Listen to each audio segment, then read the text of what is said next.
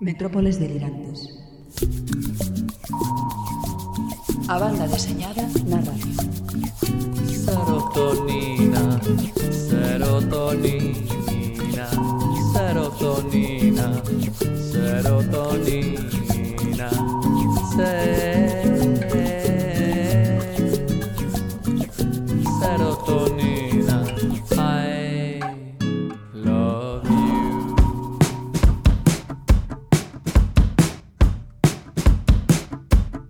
Ola, son Nieves Rodríguez e aquí comeza a 74ª emisión das Metrópoles Delirantes.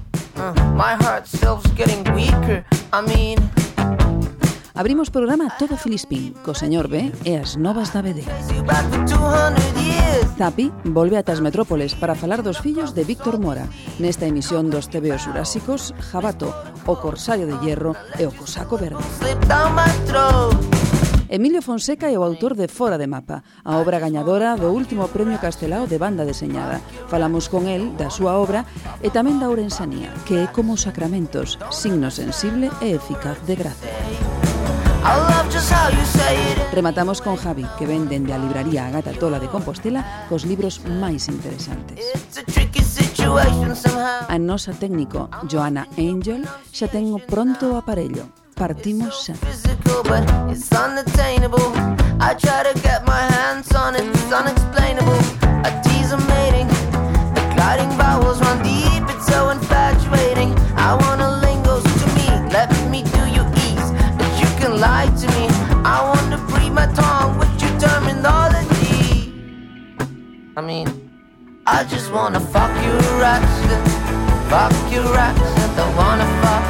fuck, fuck, fuck, fuck your accent. It's like I'm stuck in the middle, you see. Every word is like a riddle to me. I wanna fuck your accent. Fuck your accent. Fuck your... Metrópoles delirantes. A banda deseñada na radio. Hola, señor. Hola. Como vai? Vai... Ben. Vai indo. Como está vostede despois desta quincena sen pasar polas metrópoles? Eh, dichoso. Ah, Ale dámonos logo. e neses 15 días leu vostede algo ou comezou polo menos a ler algo? Sí, comecei a ler o novo libro de José Domingo que se titula No, no me hables, no me hables de política, non? Sí. Eh, bueno, ben, un libro entretido, un lixeiriño, fácil de ler, eh, moi interesante. Ainda que eu, eu penso que é para xente cativa, pero xa sei que vostede cree que non é para xente tan cativa. Pois pero non, bueno. a verdade é que non. Eu, o me ainda non o lín, non? Pero dinlle así un, un vistazo así por riba, parece moi interesante, porque vostede é un home avezado, que sabe de política, pero hai moita bueno. xente que, que o mellor non entende certos conceptos e que tamén ten que telos claros, non? Sí, hai polo menos 10 millóns en España que deberían ler ese libro. non me inclúa a min neses 10 millóns, eh? Eu é no, para eu, máis información. Non, non, eu non, non, eu non, non prexudo a ninguén. Bueno, eso está, eso está moi ben. Entón, recomenda vostede o libro? Recomendo, sí, sí, os 10 millóns de idiotas que hai no, no, no sentido grego do término. Ah, non... que iso tamén o explica o libro. Sí, iso tamén o explica o libro. Mm. E, e non ten que ver co idiota que... Como, como se emprega, actual, como se emprega sí. actualmente, claro, claro. Bueno, bueno, non quero pues... insultar a 10 millóns de Idiotas. De, de idiotas. bueno, pois xa sabedes, eh, se queredes que saber... Tampouco sería a primeira vez, seguro. Seguramente. Bueno. Pero se, se queren os nosos ointes eh, saber eh, que significa idiota no termo grego da acepción, eh, merquen o non me hables de política de José Domingo. Moi recomendable. Bueno, pois agora sí, imos cas novas da BD e comenzamos falando dunha autora que nós tamén devocionamos moito nestas metrópoles, ou igual que José Domingo. Si, sí, o ID de Emma Ríos é unha das obras finalistas na categoría de cómic dos premios Ignotus deste ano.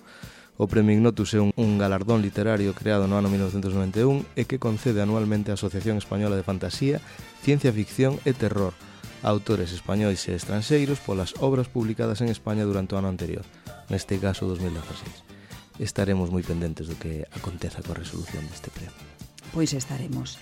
Bueno, e agora falemos de algo que seguramente lle vai interesar o 100% dos autores deste país, ou polo menos a unha boa porcentaxe. Polo menos pola pasta, non? Sí, veña, veña. FNAC e Salamandra, e Salamandra Graphic veñen de convocar a 11ª edición do Premio Internacional de Novela Gráfica, Eh, este sin dúbida é un dos máis importantes dos que se convocan no Estado e faise co obxectivo de promover e incentivar a produción literaria no ámbito do cómic.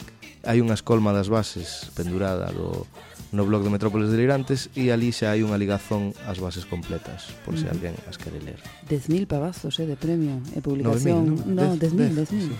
10.000 é a publicación da obra completa por Edición Salamandra. Está ben, está ben. Mm. Non está nada mal. Falta fai. Bueno.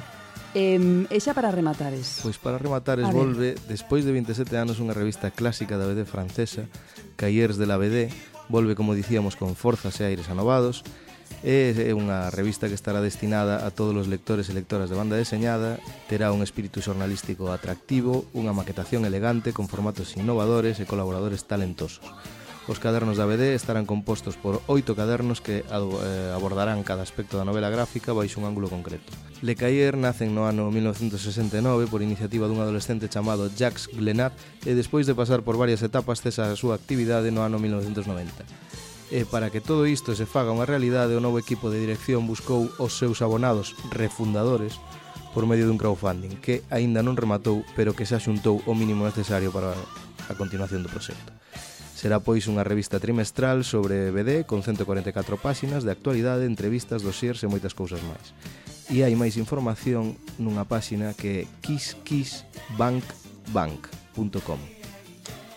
Eh, pois nada, se queredes aportar un pouquiño de pasta para que volte ese clásico da BD francesa tan completiña como aquí explicou o señor B, xa saben onde poden dirixirse e aportar eses lereles. Bueno, señor B, pois nada máis, eh, ten algo máis que contarnos? Non. Pois entón comezamos xa. Pero e o concepto? Eh? Eh?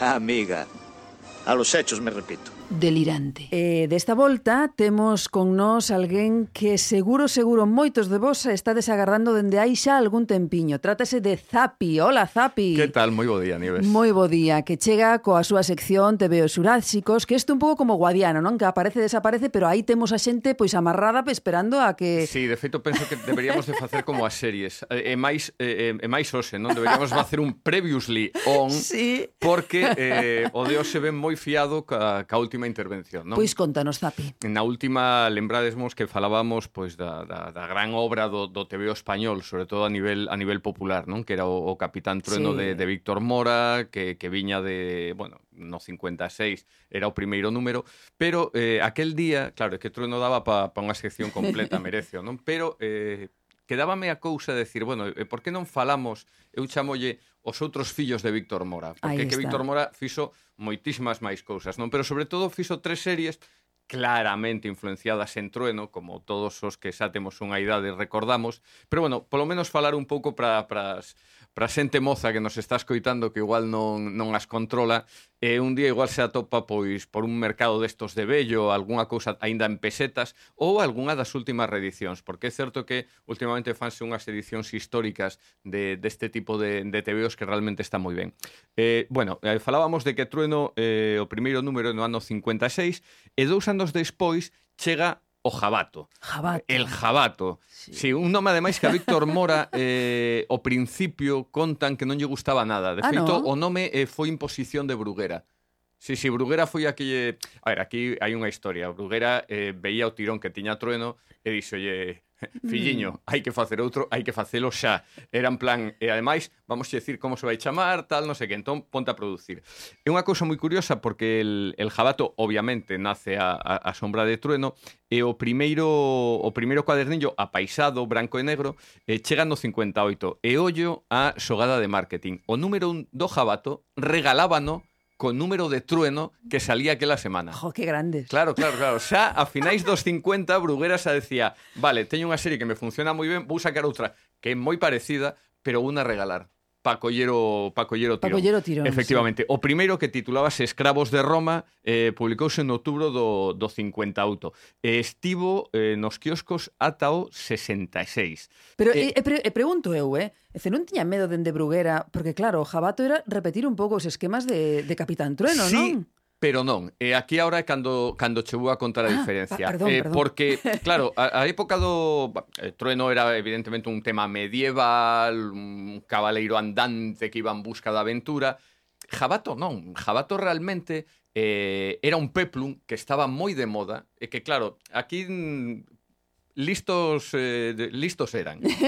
Tiñas é a época dorada do peplum, estas películas de, de romanos que se facían en Italia, que se estreaban en programas dobles, era a época das, das superproduccións americanas, entón eles sabían eso. Entón dis, bueno, vamos a coller algo que sexa parecido, moi parecido, pero que sea totalmente diferente, porque así vamos a conseguir que a xente compre os dous, non? Por un lado tiñamos o cruzado que iba en busca de aventuras, pero por outro lado tiñamos o campesino hispano a que os romanos levan a Roma, Anda. meten no, no circo de gladiador, el escapa casuda do seu amigo, empeza a vivir aventuras, pero as aventuras atopas, eh, atopan ya él, non sí, é sí, el sí. o que vai a buscar as aventuras. Digamos que que, que Jabato está máis cerca dese concepto de, da mitoloxía grega do heroe o que, o que todo lle vai mm, a casualidade, sí. eh, non sei, todo o que lle rodea vai no levando a, non como trueno que Trueno Sao iba buscando. Xa, xa iba ¿no? directamente. Efectivamente. Pero bueno, mm, decir que Jabato era solamente un peplum, unha de romano, sería quedarse moi curto, non? Porque a imaginación de Mora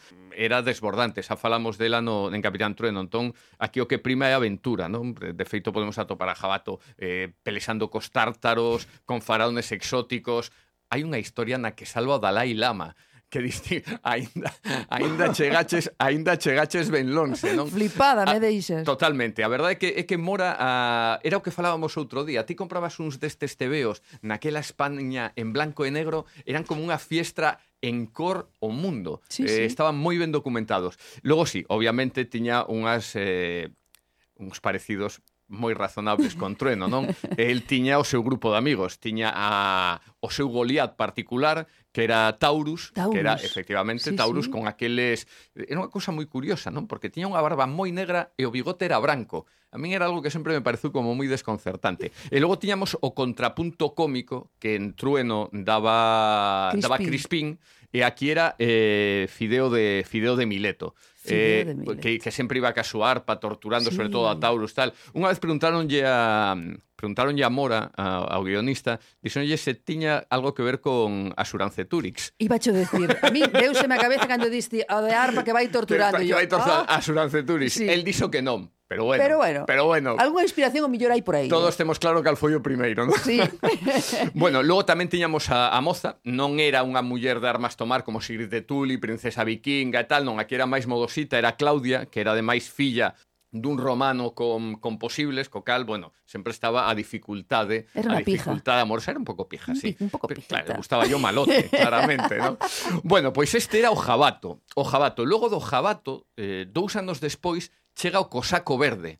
Claro, o cosaco verde ahora todo o mundo está dicindo, bueno, vale, Zapi, el jabato sí. Pero el cosaco, o cosaco verde. verde non nos soa moito, claramente. A ver, que lle pasa? É que das tres series que, que Víctor Mora realizou para Superaventuras, o cosaco verde é a máis descoñecida porque foi a menos reeditada. Claro, que estamos falando da década dos 50 60. Eu, por exemplo, todo isto leíno nos 70. Entón, claro, eh, un dato. De Trueno chegaronse a facer máis de 600 edicións. Caramba. 600 edicións. De Jabato, preto de 400. Claro, do Cosaco Verde non. Tío Cosaco Verde ou o leiches no momento ou, ou ata o 94, que cando Edicións ve compra o fondo de Bruguera e saca unha edición facsímil moi chula, moi chula, non o, non o atopas. Pero ten unha ten certa curiosidade, ten certa curiosidade porque Mora botalle moito peito e eh, estrea unha serie ambientada en Rusia estamos falando dos anos 60, eh? A ver, tamén está listo, chama yo co saco verde, non lle iba a chamar o cosaco rojo. No, a ver, no, claro, vamos, non se vamos, pode tensar moito a corda tampouco, eh. Vamos, vamos o que vamos. eh, pero bueno, eh, a serie moi, un pouco inspirada en Miguel Estrogoff eh, e un pouco logo tamén pois o, o, o que ti, o que nos tiña acostumbrado, non? Tiñamos o, o forzudo eh, amigo do heroe, que era Caracán, a bella dama que iba con el, que era Sankara, quero decir, mm, non nos sorprende nada, non? A pesar de ser, pois, quizáis a, a obra menos traballada de, de Mora, ten moitas influencias, sobre todo do cómic sindicado americano de tiras de prensa, moita serie B, era unha cousa como moi moi divertida, aparte narrativamente como moi fluida, moi cinematográfica. Isto foi na década dos 60. E agora vamos a dar o, o salto máis grande porque ímonos xa cara ao final, que é na década dos 70, en concreto en 1970, Este é un dato importante eh, así en xeral. En 1970 publícase o número cero eh, dunha revista que estaba destinada a convertirse no gran éxito do, do TVO español, que era Mortadelo. Mortadelo. Pero, ollo, non era un TVO solo do personaxe de Ibáñez. Eh, Mortadelo é un pouco unha idea de, de intentar acercarse ao cómic franco-belga con aquelas eh, revistas como Tintín, Pilote, sí. pero non hablo de Tintín dos álbumes, hablo desas revistas que sí, era unha especie de caixón desastre donde tiñas desde un TVO que podía ler un neno a cousas un pouco máis eh, para ma... juvenís, un pouco máis adultas. E claro, nese número cero de, de Mortadelo, chegan as catro primeiras páxinas do Corsario de Hierro. El Corsario de Hierro, El Corsario certo. de Hierro. Claro, foi a última, e foi unha que descubrín eh, a finais dos 70 nas reedicións. Pero é que, claro, eh, el Consello de Hierro totalmente inspirada nos clásicos que viñamos desde a década dos 50, 60, Víctor Mora, por suposto, Trueno, Jabato, Corsario, e publicouse dende novembro dos 70 ata abril, ollo, eh, ata abril do 81. Nun principio eh, formaba parte, como comentamos, da revista Mortadelo, e solamente se publicaban en cada número catro páxinas, nada máis. E sempre co mítico continuará o final para que, Enganchar. que, que, que tiveras que ir comprando as seguintes. Que pasa? Tivo un tremendo éxito, entón, dentro da serie eh, Grandes Aventuras Juvenis, empezaron a publicana, pero non, soame, non era independente, estaba, alternaban a él e o Sheriff King E logo, a finais dos 70, en concreto no 77, foi cando a descubrín eu, porque eh, as ollas literarias juvenís, que de feito darán para un apartado dos próximos tebeos Jurásicos, porque eu sempre digo que esa colección foi a que levou a moitos dos que somos lectores hoxe a interesarnos polas sí. grandes obras da literatura, pero esa é outra historia, pois dentro desas ollas literarias juvenís, que eran eh, a serie verde, había a serie vermella, E a serie vermella era na que se empezou a publicar independentemente e soamente para el o Corsario de Hierro. E aí foi cando os descubrín, cando descubrín eu. E claro, eu mm, de, do Corsario de Hierro teño un recordo moito máis vivo porque prácticamente vivindo dende o principio. Entón, claro, aquel rapaz que é criado pola bella dama do mar, que se ten que enfrentar aquel aquel pirata británico que acaba sendo Lord, que era Lord Benburry, sempre que a súa gota, a, a súa nariz cos seus puntos negros, e, obviamente, estamos falando de Mora, entón tiñamos que ter o Fortachón, que era Macmec, que era aquel pastor escocés que iba sempre co seu kilt e que sempre se liaba mamporros co que se metía con el. E logo unha cousa moi curiosa, que é Merlini, que era o, o alivio o alivio cómico, pois sería o Fideo de Mileto, el Crispín. sería Crispín, pero aquí era unha especie de mago que todo lle salía mal, pero moito máis humorístico que no resto. Aquí sí que se nota un pouco a evolución a nivel narrativo, non? Entón, eh, falaba ou o Víctor Mora facía falar cun italiano un pouco daquela maneira de andar por casa, el sempre estaba intentando facer o que el chamaba jockey di mani, que el quería facer sempre os seus xogos de man que sempre lle saían, sempre lle saían mal, non? Tamén tiñamos a a moitas rapazas que, que o Corsario se iba cruzando, pero sobre todo a que enamorou a toda a miña xeración era unha princesa veneciana que aparte tiña un nome pois que, que era moi evocador, non que era Bianca di Orsini, que aparte, oh. claro, non é que fora, non é que fora guapa, é que ademais era moi divertida, dáballe como moitos retruncos eh, en diálogo, era unha espa, un espadachín de primeira. Era entón, unha muller brava. Claro, misturábase moitísimo cas, cas historias del, non? E logo estaba o, os guións, os guións eran moi divertidos, quizáis eu penso que Mora tamén na época que son nos 70 tal, xa se empeza a soltar un pouco máis, o, o dibuxo de Ambrós está espectacular, está xa na súa madurez, sobre todo nas caras, nas caras sobre todo, a, digamos que as mozas son todas como cortadas por un mesmo patrón, pero sí que é certo que para a Fraciana dos, dos heróes te, ten unha capacidade de transmitir sobre todo ese, esa sensación de como che diría eu, de, de alegría, de, de bon viván, de estou vivindo aventuras pero paso ben e sempre cun sorriso nos, nos beizos, non? E, e logo, claro, logo a fluidez, o sentido narrativo, non? E, esos recursos, incluso vendo do, do cine, non? A min pareceme unha parece unha serie fascinante. Aparte tamén, logo estaba o típico de Víctor Mora facendo viaxar por todo o mundo e tal, pero recuperaría invitaría a todo o mundo se, se pode a recuperalas todas pero eu en concreto teño unha debilidade especial polo, polo Corsario. Bueno, pois aí está, con esa recomendación que acaba de facer Zapi para que vos metades en Google, rematamos a nosa sección por hoxe. Zapi, un placer, como sempre, terte nas metrópoles delirantes. Un placer, sempre, sempre, un biquiño. Grazas. Chao. metrópolesdelirantes.com O pasado mes de abril presentábase en Compostela a obra gañadora do 11º Premio Castelao de Banda Deseñada concedido pola Deputación da Coruña.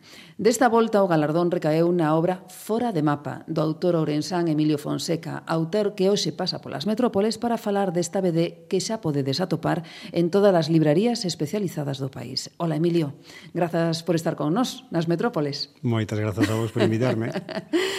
Eh, ti és licenciado en Comunicación Audiovisual pola Complutense de Madrid e traballas neste sector profesional. Dirixiches o documental Queimar o Monte sobre os incendios forestais na Galiza e fixeches o cómic Verde Invisible sobre o gran chaco latinoamericano.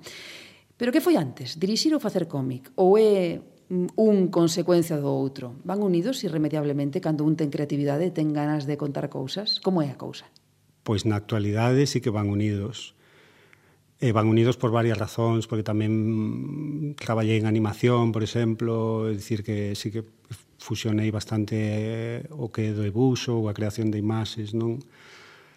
E eh, despois son linguaxes que non ten moito que ver, obviamente, e no meu caso sí que unha cousa me levou a outra. Uh -huh. E foi o cómic ao audiovisual. Ah, sí, eu sí. pensei, ves, eu tiña na cabeza que primeiro empezaras, bueno, co audiovisual, como eres licenciado en comunicación audiovisual, bueno, pois empezaches eh, nese mundo, e despois, bueno, pois vamos a probar co cómic, non? Pero foi ao revés. Foi ao revés, sí. sí non? Foi na adolescencia, máis ben, cando eu tiven así o descubrimento, a descoberta dos cómics como, bueno, como arte ou como como algo máis adulto, non? Si, os, non sei que, que edade tiña, uns 13, 14 anos, cando descubrín pois eso, a Corto Maltés, despois Miguel Anxo Prado, eh, como estas obras maduras e que a mí me, me gustaba moito debuxar tamén, entón era como unir o debuxo con, con temas que me ian interesando, non? No, o, o crecer un pouco. E despois eso me levou o, o audiovisual fundamentalmente pola parte visual, É dicir, os planos, lembro que os planos, os estudos planos, o plano medio, o plano o primeiro plano, todas esas cousas, de repente vin que existían nas pelis tamén, non? Entón toda a dirección de fotografía, as cores, as paisaxes, a dirección de arte, pois descubrín o audiovisual de outra maneira tamén. Bueno, ti sendo de Ourense, eh, cadrarías con David Rubín, eh, con toda esta xente, bueno, falábamos un pouco antes de entrar aquí na entrevista, e eh, fixestes aí un frente común, David Rubín, eh, Simón, o do Sindicato do Cómic, aí era desa esa frente do sí. cómic en, en Ourense, non? Daquela. Bueno, do instituto, incluso, que coincidimos no sí, instituto, sí, no? na clase. Eu con David fun compañeiro un par de anos no, de, de pupitre, vamos, éramos compañeiros. Sí. Uh -huh. Entón, sí, claro, eh, pois as, uns ian animando a outros. En concreto, David era moi locomotora. Sí, vamos. non? Sí. Xa era daquela, como sí. é agora? Sí, sí. Sí, sí. Sí, non cambiou nada. A min entón. ensinoume, non, xa era moi apaixonado dos cómics, era un pouco maior que eu e, e a min ensinoume tamén moitas cousas, eh. O bueno, Watchmen, o Sandman, eu, os lingos de David. Descubríades vos cousas bueno, claro. uns os outros, e Simonías tamén, non? Sí, Aí tamén, está, tamén. eh aí seguidos os tres no, no mesmo mundo. que terá o cómic, caño, que non se desengancha un dele. Eh? Bueno, imos falar agora de Fora de, de Mapa. Temos o libro aquí en riba da mesa. Fora de Mapa é un thriller onde o asasinato e a espionaxe son os alicerces da obra. Pero mm, eu prefiro que nos contes ti, sen facer spoiler, por favor, porque seguramente que moitos dos que nos están a escoitar aínda non mercaron o libro, cale a historia que se agocha detrás deste título, Fora de Mapa. Uf, resumila... a ver, a ver, a ver, a ver como faz. Me resulta difícil. Como ben dixeches, eu creo que se pode entender como un thriller, non? Porque a historia principal que se conta é a partir dese, dese crime, pero que fai é descubrir ou, o que tentaba eu era que se descubrisen moitos máis temas relacionados con, pois, co, coas descubertas e coas espionaxes deste momento do Renacemento, e abrir os ollos pois cara a outras realidades, non? Menos contadas moitas veces de personaxes máis esquecidas pola historia. Eh, sí, entón non quería facer unha pois a típica obra de como digo sempre, de reis e papas e personaxes históricas moi coñecidas, uh -huh. senón ir un pouco máis o, o, o meollo da sociedade, non? Ali, pois, onde están persoas de moi diferente condición, pois como na, na vida real. Como sí, con realidades pasa, ¿no? distintas. Con realidades moi distintas, alumear aí un pouco de o que había, non? Uh -huh. E tendo aí como telón de fondo, como pano de fondo, esa loita, esa pugna polo poder, por esas rutas marítimas, que era o que, o que daquela era o que o máis importante, non? Sobre todo na Venecia do, do século XV. Exactamente, claro, en Venecia estaba pois a punto de perder o, o o quasi monopolio que tiñan non do, do comercio co Oriente, de ser a porta do Oriente da, da ruta das especias, porque estaba a piques de, de abrirse a, a ruta africana, non? Eh, a ruta marítima, non? E descubrirse, vamos, para, para os europeos descubrir gran parte do mundo. Eh, sí, Venecia era un, un foco aí impresionante, pero aínda así seguiu tendo moita importancia durante moitos anos. Non? É por iso que contextualizaches esta obra nesa, nese lugar, en esa época, Venecia, século XV, porque para facer un thriller ben podías facelo noutro sitio, non? Ou noutra época, podería ser, non? Como te vas tan lonxe? Venecia, século XV.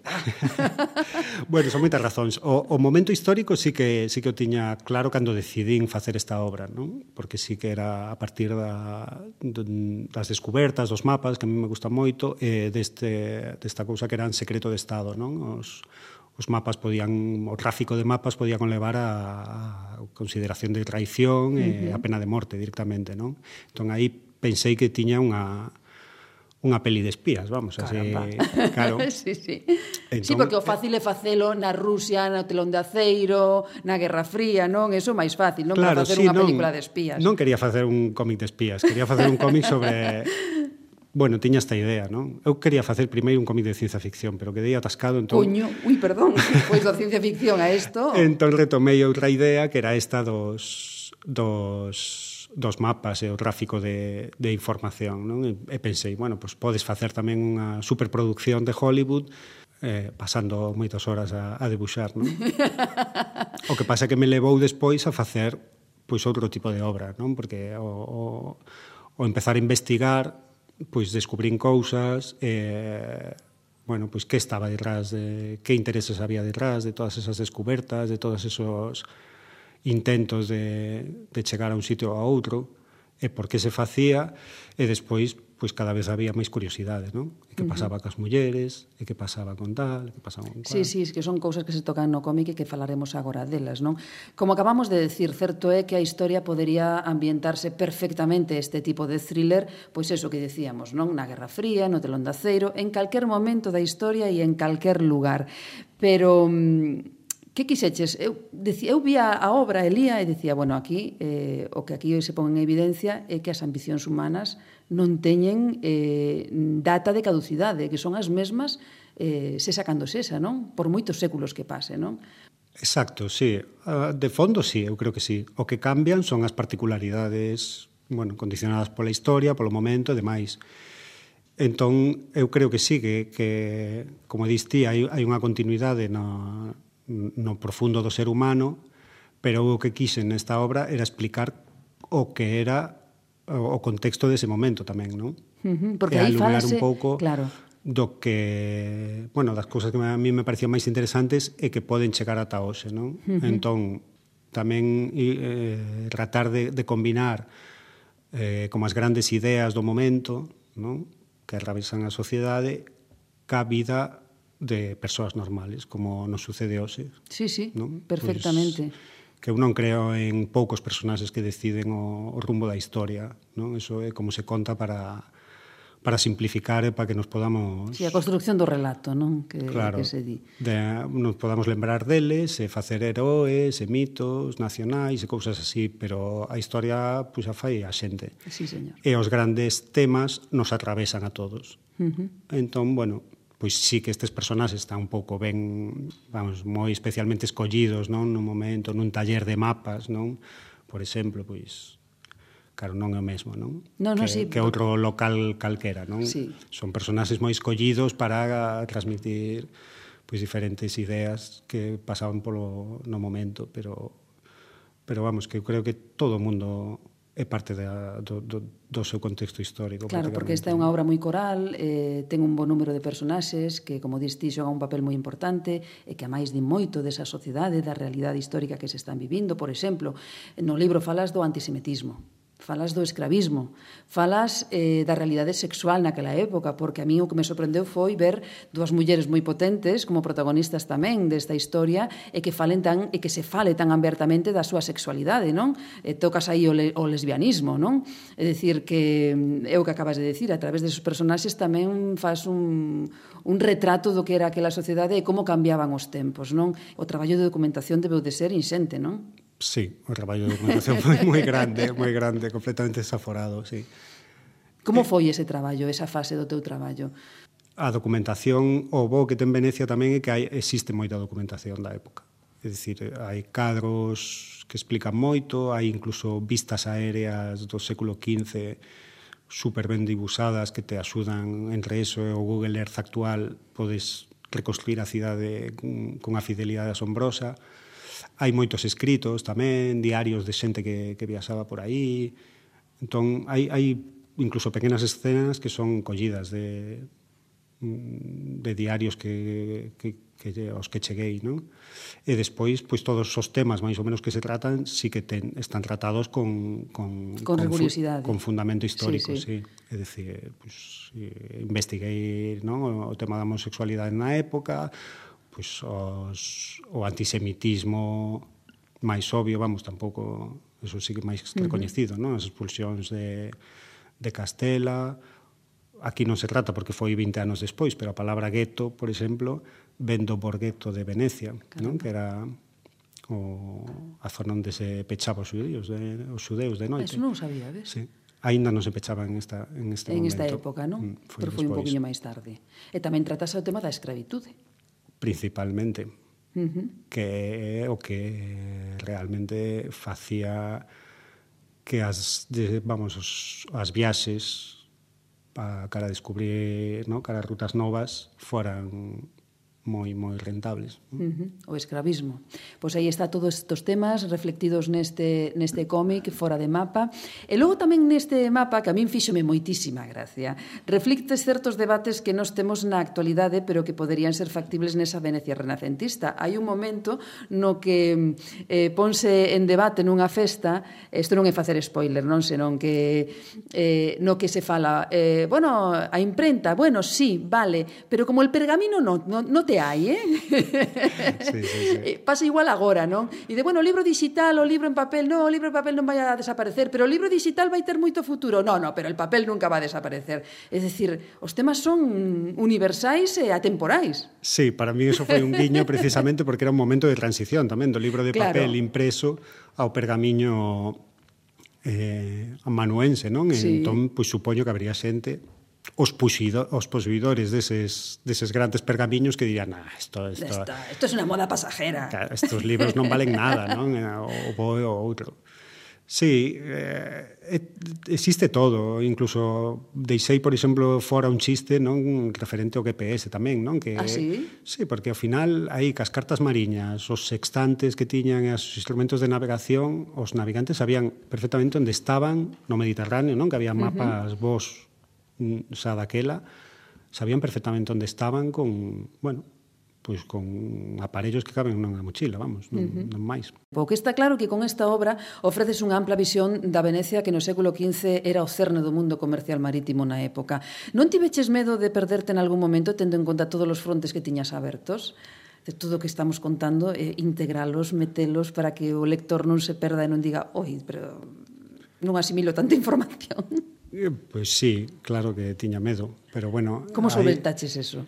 Bueno, foi con traballo intentando que a obra fluíse, que os e que as tensións dos propios personaxes se, man, se mantiveran, non? A parte das, dos discursos teóricos. Pero, bueno, o medo tiña igual, eh? Sempre, ata que pois, pues, sai a xente di que, que, que sí guai. que, claro, que está guai, que, que se pode... Entendes? No, no, é que moi divertido, e que se lee rápido, pois pois pasa, pero vamos, as dúbidas sempre están. Sempre eu tiña aí, senón, pois sempre a idea de eu quería facer como The Wire, ¿no? A serie, claro, ah, ¿Sí? así directamente, esta cousa de acabar, non e dicir, agora entendo todo, non? que non, non é que entendas todo, pero bueno, que te dá unha sí, visión sí, que completa, non? Encaixa, non? Do, todo.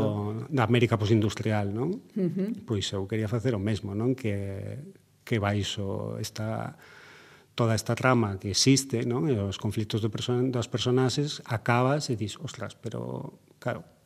Isto é así, fíxate, así, fíxate, claro, fíxate, non? Que, que se abran cuestións, non? Que, que, que están aí, que, uh -huh. Bueno, no apartado gráfico, eh, a, a documentación tamén se reflicte nos roupases, na arquitectura veneciana, nas panorámicas da cidade, non? O que decías ti que nos lembran a eses gravados da, da época. Un traballo exquisito que contribúen tamén a unha rápida inmersión na historia por parte do lector, non? Eso tamén axuda moitísimo. É dicir, eh, pasache moito tempo co lápis, eh? Aí. Sí, claro, eso é imprescindible. Eh, bueno, eh, aparte eu teño orgullo ese de que quero que resulte eh, justificado, non? Sí, sí. Se alguén controla de roupases da época que diga, ah, mira, isto está ben, non? Sí, non, por, por exemplo, cando, época. sí, como cando vemos películas, non? E a xente controla e dice, non, non, es que eso non é desta época, claro. que se saltaron tres séculos. Tí claro, e ademais, cara, non? sí, sí, porque ademais é que cando te aproximas, ves que sí que cambiaban as modas rapidísimo, non? Por exemplo, uns poucos anos despois de, mm, de, do momento en que está ambientado o cómic, se pon de moda todos estos colares que non sei como se chaman, blancos, non? De, ah, esas golas así. Esas golas sí, así sí, grandes sí, ao redor grandes, do, do pescozo. Do pescozo. Eh, en só so 20 anos despois está por toda Europa as golas estas, non? Entón, claro, hai que afinar moitísimo claro, para non... Pero nesta época non estaban non, estaba. non sei quen as puso de moda, pero o, o feito é que en 20 anos podes ver cadros de todos os países de Europa que hai xente con, con estos adornos, non? Mira, ti, en, cando estabas facendo esta obra, non pensaches nunca, me caches en la mar, porque non ambientei nos 80 en Rusia, que me aforraba un montón de traballo que arroupaxe con todo isto. Bueno, non pensaches. Porque, pero ao final, os 80 en Rusia tamén teñen, teñen a súa, supoño, non? Que, bueno, tamén pode ser, non sí, sei, sí, eh, sí. é por eh... hai unha parte que a min me diverte tamén. Eh? Ah, bueno, vale, sí, se che gusta, senón... se che mola, pois pues eso, non. Tamén hai momentos na narración en que o estilo gráfico cambia de xeito puntual. Sí. En dúas partes. Por que? Narrativamente que pretendías conseguir? Bueno, porque quería abstraer eh, hai unha parte moi clara, non, que se separa aí o que se conta unha historia. Unha historia, sí, como unha lenda. Como unha lenda, eh, bueno, era unha parte de divertimento de de usar outra técnica, non? Mais porque é unha historia ambientada en, no Oriente, non? Sí. Entón utilizar a maneira dos, dos gravados orientais. E despois para abstraer un pouco esa historia, precisamente. Despois tamén puntualmente, non sei se te refires a eso, cando se fala de cousas en abstracto, a veces tamén cambia un pouco... Uh -huh. E no principio, non? Cando se fala das baleas, de sí. tal, e aí, bueno, aí, aí, tamén, aí sí. se está, claro, aí imitando as maneiras dos mapas da Ajá. época, non? Cando se fala das baleas é unha balea da época, non unha balea actual, non? Claro, claro. Non unha balea real, vamos. Claro, claro, pero nós que non estamos afeito a ese xeito de, de representar ese tipo de cousas naquela sí. época, chocanos e dice, por qué? Por que o fai aquí, non? Entón, por eso a, a pregunta, non? Esa sí, curiosidade. Sí, me, bueno, aí me gusta gustaba entrar no, no, no dentro do mapa, non? Para empezar así. Uh -huh. E, e ti que crees? E ti que crees que é máis difícil traballar unha boa historia dende o punto de vista do guión ou a parte gráfica? Non sei Ti que fixeches todo. Eso. Ti que eres autor completo, e guionista e debuxante. Supoño que haberá xente que lle resulte máis fácil unha cousa e, outra. e a, ti? a outra... A min... Sí, que che resultou máis complicado? Armar a historia sei. ou, ou debuxala? me resultou complicado todo. sí, sí, sí, sí. Eh, quizáis co deseño me daba un pouco máis de medo, mellor, porque debuxo de, sem, de, de sempre, pero non, non teño acabado, non, non pois, entintado non o fago habitualmente, non? Ata, ata que, vamos, estive 15 anos sen, sen entintar prácticamente, non? E, entón, quizáis esa parte me, me daba así un pouco máis de respeto, pero, pero o traballo leva todo -huh. A mí me levou todo, sí. Sí. Non sabería dicir cada que foi o que che, o que che costou máis, non? Claro. Sí, sí. Bueno, eh, o respecto das composicións de páxina sin seleza é a nota predominante, non hai viñetas a dobre páxina, nin dobre saltos mortais con tirabuzón nas composicións. Que pasa que a historia pedía iso? Dicías tú, bueno, vamos a facelo, xa que unha historia complicado no guión, non vamos a complicalo máis no aspecto gráfico. Sí, aí posiblemente interveña isto. Sí, no? E aquí quizáis teño que recoñecer que tamén o de primeira obra igual tamén inflúa, non? Pois manter unha sinxeleza que funciona, non? É uh -huh. dicir da, dos, de tantos cómics clásicos que tamén me gustan, non? O, e, e controlar ese ritmo narrativo que xa bastante, non? Eh, non sei, no, funciona, tal vez noutro ben, momento eh? me, me gustaría sí, facer máis experimentación. O que pasa é que sí, a nivel narrativo non é moi moi moi complicada, non? Creo, a parte destes momentos, non, máis mm, abstractos, non, de uh -huh. que se fala de maneira abstracta e sí que os debuxos acompañan ás veces eses discursos, non?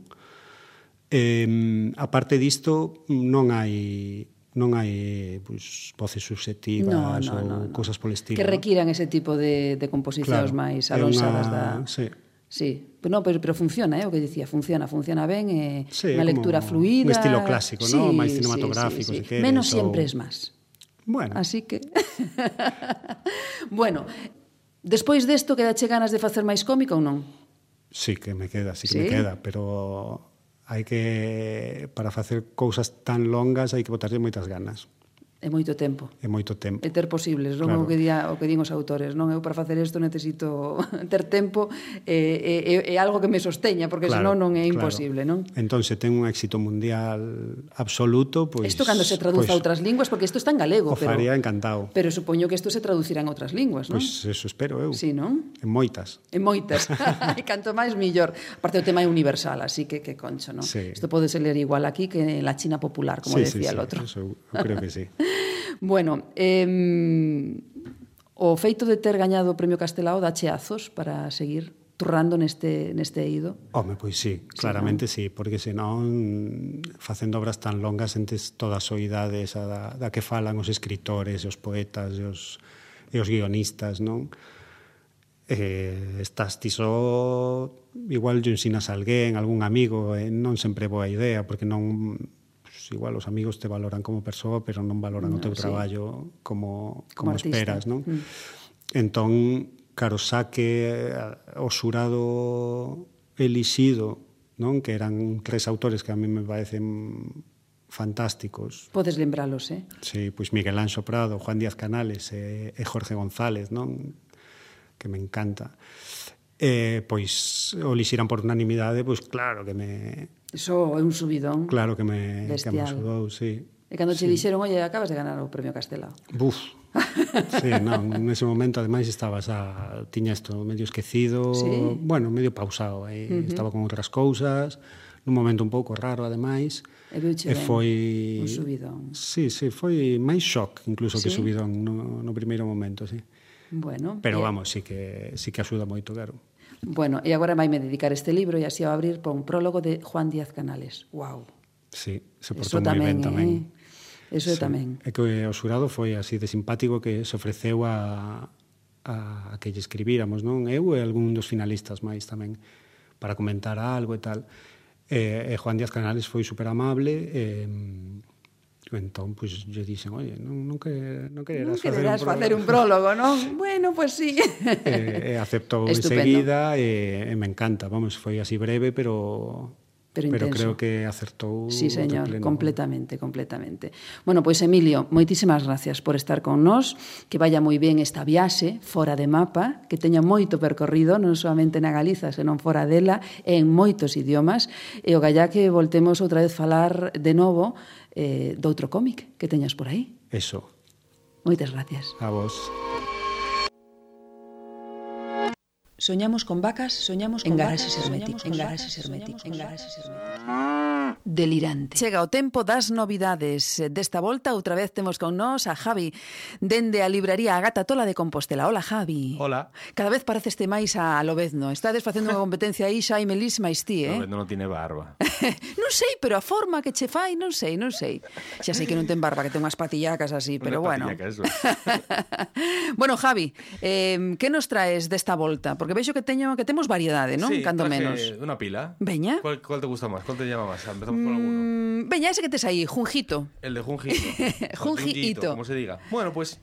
El de Junjito esto. Con manga, porque xa fai tempo que non falamos de manga. Sí, no, no, yo no recuerdo la última vez que traje. Me traje este, me está gustando. Casi todo lo de, lo de este autor está bien, porque es un tomito que vale 6 euros, 5,95 y son historias cortas de terror. Todo lo que, bueno, casi todo lo de este hombre tiene, tiene este tono, ¿no? Pero a mí esta colección me gusta mucho porque es muy barata y te la lees enseguida, súper entretenida y son así relatos malrolleros, ¿sabes? Sí. Sí. Sí, yo creo que está guay. A mí de, del manga de terror es el que más fácil mm, accedo, porque los otros que me han caído en las manos siempre son demasiado bizarros. Este se mantiene semicontrolado. A mí me, me gusta, me parece curioso, ¿sabes? Eh, me recuerda a las historias de terror de antes del Martínez Roca super terror, de esto que tenía como susto final, que no, no da miedo. Pero bueno, es inquietante y está, está muy bien. De Junjito, relatos terroríficos e son novelas, historias autoconclusivas. Sí, É está dicir, un poquillo de moda este tío ahora. Sí. ¿no? Está, está sacando muchísimo, así que será porque está de moda porque se están volviendo locos. Ademais decías ti que, que cian- cineastas que están... Sí, estos eh, días estuales de la iglesia que es sí, muy fan. ¿no? Bueno, no sé si es muy fan, pero bueno, si se molesta en ponerlo en Twitter será que le gusta. Bueno, pois aí está, a quen lle preste moito as historias de terror, que leve Junjito, relatos terroríficos, que como di Javi, está moi ben de prezo. Ah, sí, pavos, 5,95. Sí, para ir no, no tren ou no autobús Sí, e, e botarlle esto es un libro de bolsillo. Sí, señor. De bolso. De consumo rápido. Consumo rápido. pois aí está, a primeira novidade. E despois, bueno, Neil Gaiman, veña, que agora tamén está tan de moda con esa serie, non? Que está inspirada nun dos seus libros, esa Ajá. American Gods. American entón, Gods, sí.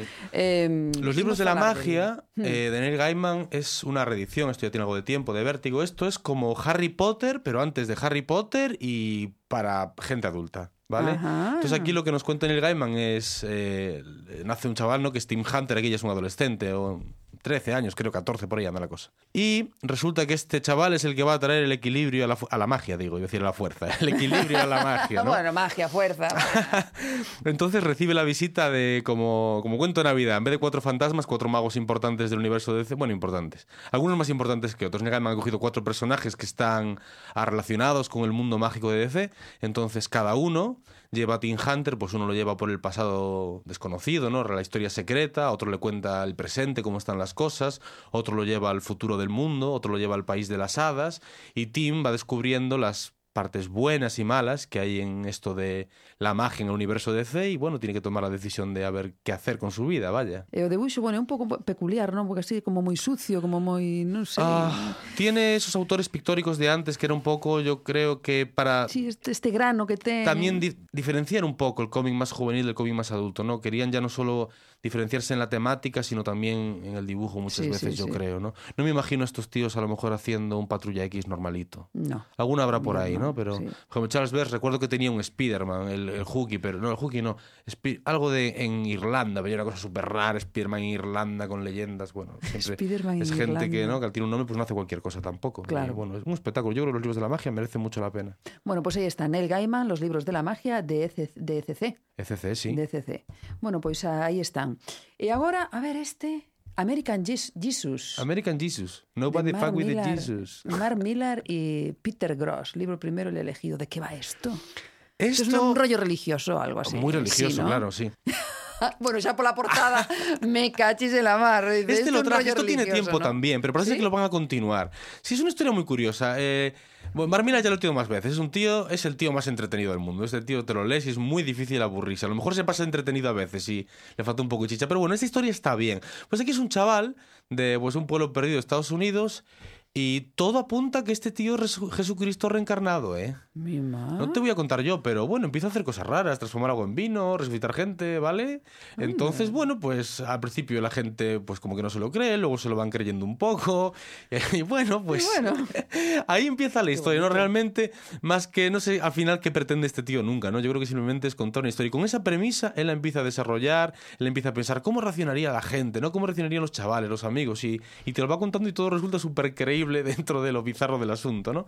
Y, y bueno, esta historia digo que tiene mucho tiempo, pero parece ser que él tenía ganas de continuarla y parece que lo van a continuar, porque ahí pone el libro 1, así que asumo que ya deben estar proyectando el libro 2. Bueno, pues ahí está.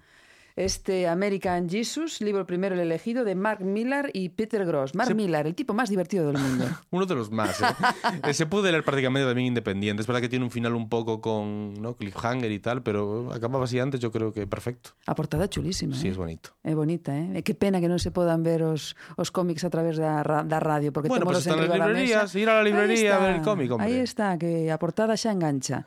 Bueno, e imos agora xa polos máis to tochacos, así os máis tal. Hard Boiled, de Frank Miller e Geoff Darrow. Sí. Frank Miller. Hard Boiled, esto es una macarrada. Sí. Bueno, dicen que esto, bueno, aquí pone guion de Frank Miller y, y el dibujo de Geoff Darrow, ¿no? Pero parece ser que el guion de Frank Miller se perdió un poco entre los lápices de Geoff Darrow. ¿Ah, sí? Sí, dicen que el tío hizo un poco lo que le dio la gana. La gana. Esto, Guau. quizás, la historia que puede recordar, a lo mejor Uh. lejanamente a Ronin, mucho más eh, rápida, mucho más ligera, mucho menos texto, el dibujo mucho más cargado, ¿no?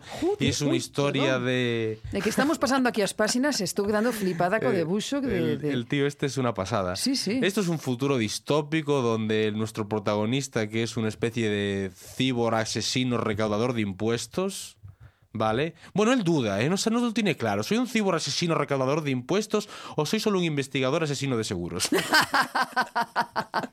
es un cómic muy macarra, con mucha acción. Ah, la historia tampoco es que sea la bomba, ¿vale? Pero es como uno de estos relatos de ciencia ficción cortitos con un giro o un punto que le dan ese, ese toque especial y con el dibujo de Geoff Darrow, que es una pasada. Estou flipando, de verdade que sí. E aparte que as composicións de páxina, non? Que ves aquí páxinas enteiras e de repente ves outra páxina con viñetiñas así moi pequeniñas. No, no, está... No, este tío es un espectáculo. Ahora, Uh, si no fuera porque esto. ahora ha hecho el Shaolin Cowboy, que es un anima- una locura, yo diría que este es su mejor trabajo, porque el Shaolin se está, bueno, se está volviendo loco.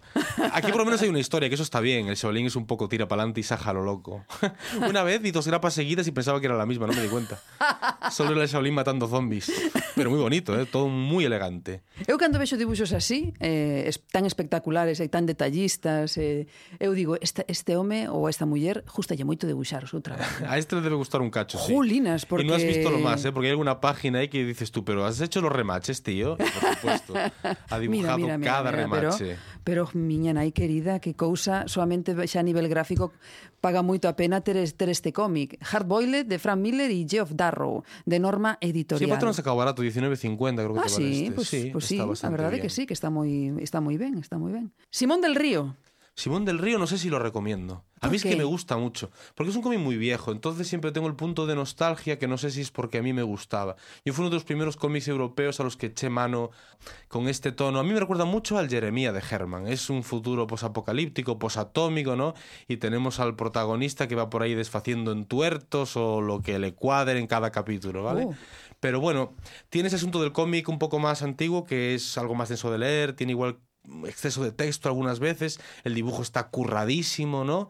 Y es muy literario a veces. Pero a mí me encanta Simón del Río. Yo le tengo un cariño súper especial. O autor é Ocler. Auclair. Ocler. Sí. Eh, este é o integral, é por iso porque hai unha hai hai partes que están en branco e negro, hai en Empezó, cor. sí, la primera historia esa que estás viendo se editó en Tintín, bueno, es lo típico, ¿no? De las revistas de Sí. antes, de voy a probar una historia y oye, si funciona, pues seguimos con el personaje y funcionó. Y siguió. E despois xa seguiu a cor, non? Dixo, bueno, me voy a animar aquí a meterlle un poquito Sí, bueno, yo te digo que yo no, no sé todavía lo que va a venir. Yo había conseguido algún álbum por ahí de esto que vas a una librería de viejo y te encuentras, pues, ostras, un Simón del Río, me lo llevo. Muchas veces no sabías de dónde venía o con qué enganchaba esa historia, pero bueno, los álbumes son más o menos autoconclusivos. E a en me- época me está isto mucho. ambientado? Esto es eso, posa- época posatómica. Es como todos estamos en. re- como de vuelta a los vaqueros, pero tenemos rayos láser, alguno por ahí que da alguna pistolita, ¿sabes?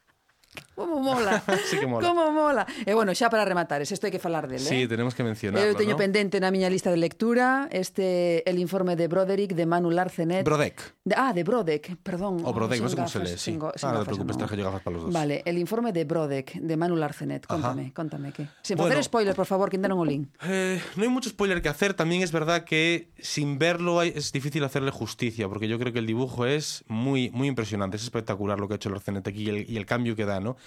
Creo que sí, pues si has leído más cosas de él, ¿no? Con los combates comentábamos antes que es un cambio muy grande. Si ves el Blast, aunque este está en blanco y negro, ya empiezas a ver un poco de ese estilo de dibujo, ¿no?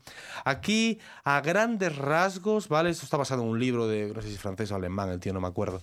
Bueno, en un pueblo pasa algo muy chungo y le obligan al Brodec este a hacer un informe de lo que ha pasado para que luego la gente lo entienda y puedan comprender por qué ellos han hecho eso, ¿no? Porque esa panda de hijos de puta han hecho eso.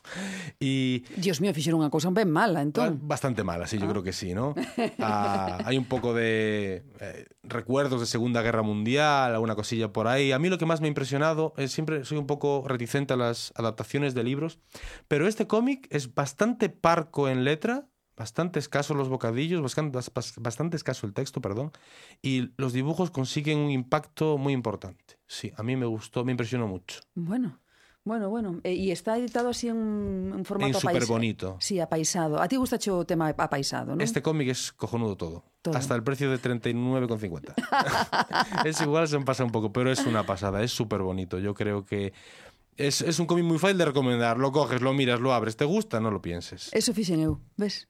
Bien e, eu pasei outro día pola gata tola, eh, de Santi xa me dixo, mira, teño aquí este e tal. E foi mismo que ti dixeches, velo, abrilo, botarlle unha olla e decirme lo llevo. Esto no... Y me dijo Santi, es una pasada. Es una ¿verdad? pasada, Es una bonito. pasada. Bueno, pues eh, rematamos con esta guinda tan bonita, eh, tan apetecible como el informe de Brodek de Manu Larcenet, editado por Norma Editorial. Norma editorial. Javi, moitísimas gracias. Hoxe a verdade que tu seches cremita, eh? Buah, de todo De trajimos, qué todo, de todo. Pues moitísimas gracias. A ti. Ata a próxima. Chao. Chao. Me echaron droga Delirante. en el colacao. Rematamos esta viaxe pola banda deseñada que comezaba co señor B e as súas novas. Nos tebeos xurásicos, Zapi retomou a obra de Víctor Mora, o guionista máis prolífico da época dourada de Bruguera, que a máis de ser creador do Capitán Trueno, tamén o foi de Jabato, Cosaco Verde e o Corsario de Hierro. Emilio Fonseca embarcou nesta dorna da BD para falarmos do seu Fora de Mapa, unha interesante obra coa que gañou o Premio Castelao do ano pasado, unha historia certamente interesante e entretida que ven salvar un ano terrível pola escaseza de produción de BD en galego.